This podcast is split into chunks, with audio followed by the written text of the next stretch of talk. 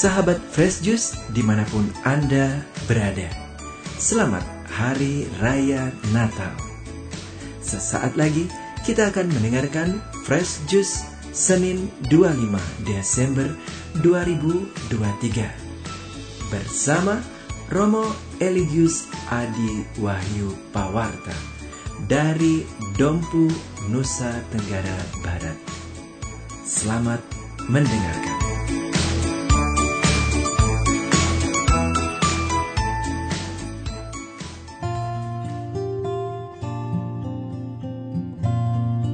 Setelah malaikat-malaikat itu meninggalkan mereka dan kembali ke surga, gembala-gembala itu berkata satu sama lain, "Marilah sekarang kita pergi ke Bethlehem untuk melihat apa yang terjadi di sana, seperti yang diberitahukan Tuhan kepada kita."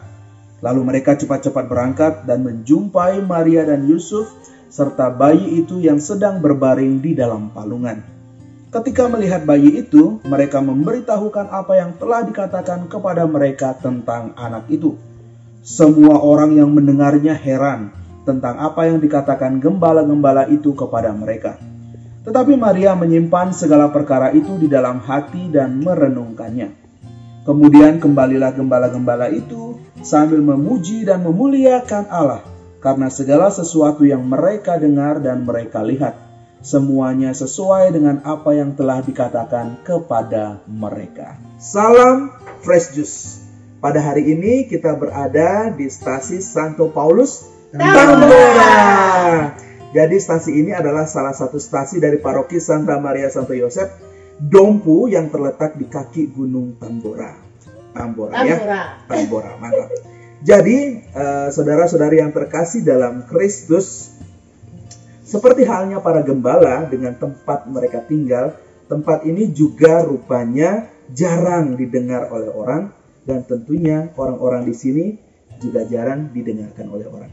Tapi jangan salah, karya keselamatan rupanya juga pada awalnya berasal dari mereka yang jarang didengarkan orang. Para gembala yang mungkin tempat dan kehadiran mereka tidak banyak yang tahu. Tapi inilah Tambora dan dari tempat ini juga lahir keselamatan. Saudara-saudari yang terkasih dalam Kristus, kalau kita mendengarkan kisah Injil tadi, maka mungkin kita akan mendengar suatu kisah yang biasa-biasa saja, sederhana, bahkan mungkin kisah yang tidak diindahkan karena jauh dari jangkauan dunia. Tetapi rupanya kalau kita refleksikan, ada hal yang luar biasa dalam kisah itu. Yang pertama, warta itu sendiri. Yang kedua, bagaimana cara Tuhan mewartakan itu kepada kita manusia. Warta itu sendiri adalah suatu warta sukacita.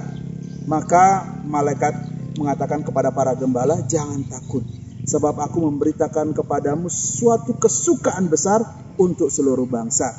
Hari ini telah lahir bagimu juru selamat, yaitu Kristus di kota Daud. Saudara-saudari terkasih dalam Kristus, Yesus Kristus, Kristus Mesias yang lahir di kota Daud, itu adalah nubuat yang dinanti-nantikan oleh bangsa pilihan Tuhan. Maka dari itu, warta tentang lahirnya seorang bayi di kota Daud itu merupakan suatu pemenuhan janji Tuhan yang mewujud nyata atas lahirnya hadirnya Mesias yang akan melepaskan umat dari penderitaan dan membawa bangsa kepada terang keselamatan. Maka inilah suatu suatu berita yang luar biasa. Saudara-saudara yang terkasih, hal luar biasa yang kedua adalah bagaimana cara warta itu disampaikan. Ternyata Allah memilih sosok yang kecil dan sederhana, para gembala untuk menerima pertama kali warta sukacita itu. Dan ketika para gembala sampai ke kepada kandang di mana ada Yesus dan kedua orang tuanya serta ada banyak orang di sana dan mereka mewartakan mengatakan apa yang telah mereka dengar, orang banyak itu terheran-heran. Mereka heran, kenapa orang-orang kecil dan sederhana bisa mewartakan suatu hal yang luar biasa. Hal ini berarti saudara-saudara yang terkasih dalam Kristus bahwa Allah memakai segala cara untuk warta sukacita, untuk mewartakan kepada dunia tentang pemenuhan janjinya hadirnya sang penyelamat yakni Mesias. Maka saudara-saudara terkasih, peristiwa ini adalah suatu peristiwa rohani. Perjalanan para gembala juga adalah suatu perjalanan iman. di mana mereka dipanggil kepada pemenuhan janji Tuhan.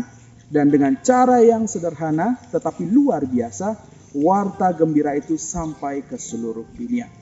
Dan itu terjadi melalui orang-orang kecil dan sederhana, melalui tempat yang jauh dari jangkauan. Maka bukannya tidak mungkin tempat yang jauh dari jangkauan ini, dari sini lahir warta gembira keselamatan.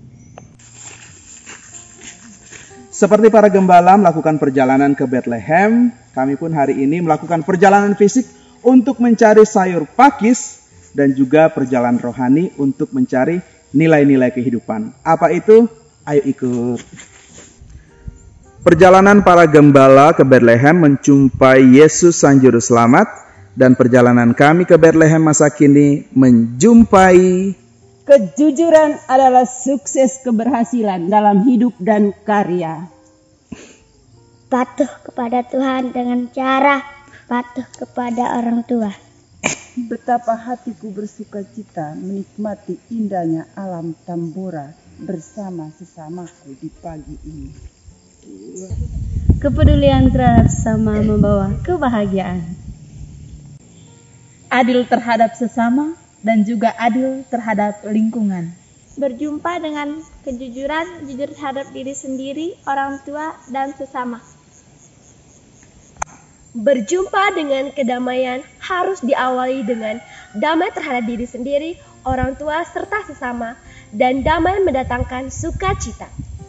Perjalanan para gembala ke Bethlehem adalah suatu perjalanan rohani mereka menjumpai Yesus Kristus, Sang Juru Selamat Mesias yang lahir ke dunia. Kita pun sebagai umat beriman melakukan perjalanan ke Bethlehem masa kini, suatu perjalanan rohani di mana kita berjumpa dengan nilai-nilai kehidupan. Kita berjumpa dengan berbagai perwujudan kasih Allah. Maka apa yang bisa kita pelajari dari para gembala? Para gembala itu bersuka cita pada tempat yang pertama, mereka bersuka cita ketika mereka menjumpai apa yang telah mereka dengar, yang diwartakan oleh para malaikat. Mereka menjumpai Yesus, Sang Juru Selamat, dan mereka bersuka cita atas kenyataan yang mereka jumpai. Sukacita yang kedua adalah setelah mereka berjumpa dengan Yesus, mereka pulang kembali, mereka bersorak-sorai memuji Tuhan, bersuka cita, dan mewartakan kabar gembira. Saudara-saudara terkasih, dalam hidup ini kita berjumpa dengan begitu banyak kebaikan-kebaikan Tuhan. Maka kita bersuka cita akan hal itu. Namun sukacita yang sama mengundang kita agar kita juga dapat membagikan sukacita itu, membagikan nilai-nilai kehidupan, kebaikan-kebaikan Tuhan kepada sesama dan juga kepada alam semesta. Dengan demikian, sukacita yang kita terima dari Tuhan, karya keselamatan yang terjadi dalam hidup kita juga terjadi pada dunia ini. Saudara-saudari yang terkasih dalam Kristus, perjalanan dan peristiwa yang telah kita dengar merupakan suatu pemenuhan janji Tuhan. Janji itu tidak selesai dalam satu waktu dan kemudian janji itu berhenti di situ. Janji itu harus menjadi janji yang tetap hidup.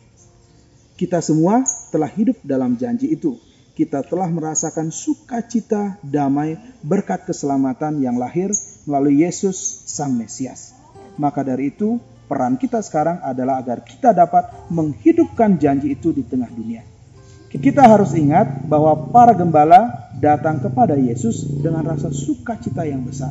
Tapi kita juga harus ingat bahwa mereka pulang kembali juga dengan sukacita yang besar dan mereka mewartakan karya keselamatan itu dalam kehidupan mereka.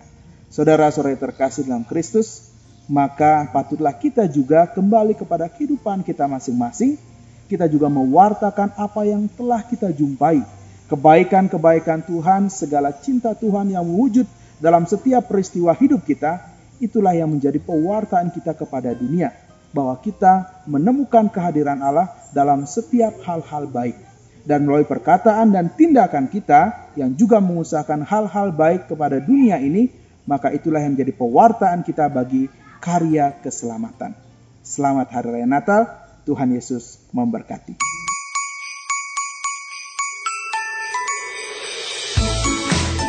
Sahabat Fresh Juice, kita baru saja mendengarkan Fresh Juice Senin 25 Desember 2023. Saya Yofi Setiawan beserta segenap tim Fresh Juice mengucapkan terima kasih kepada Romo Eli untuk renungannya pada hari ini. Sampai berjumpa kembali dalam Fresh Juice edisi selanjutnya. Selamat Hari Raya Natal. We wish you a Merry Christmas. Salam Fresh Juice.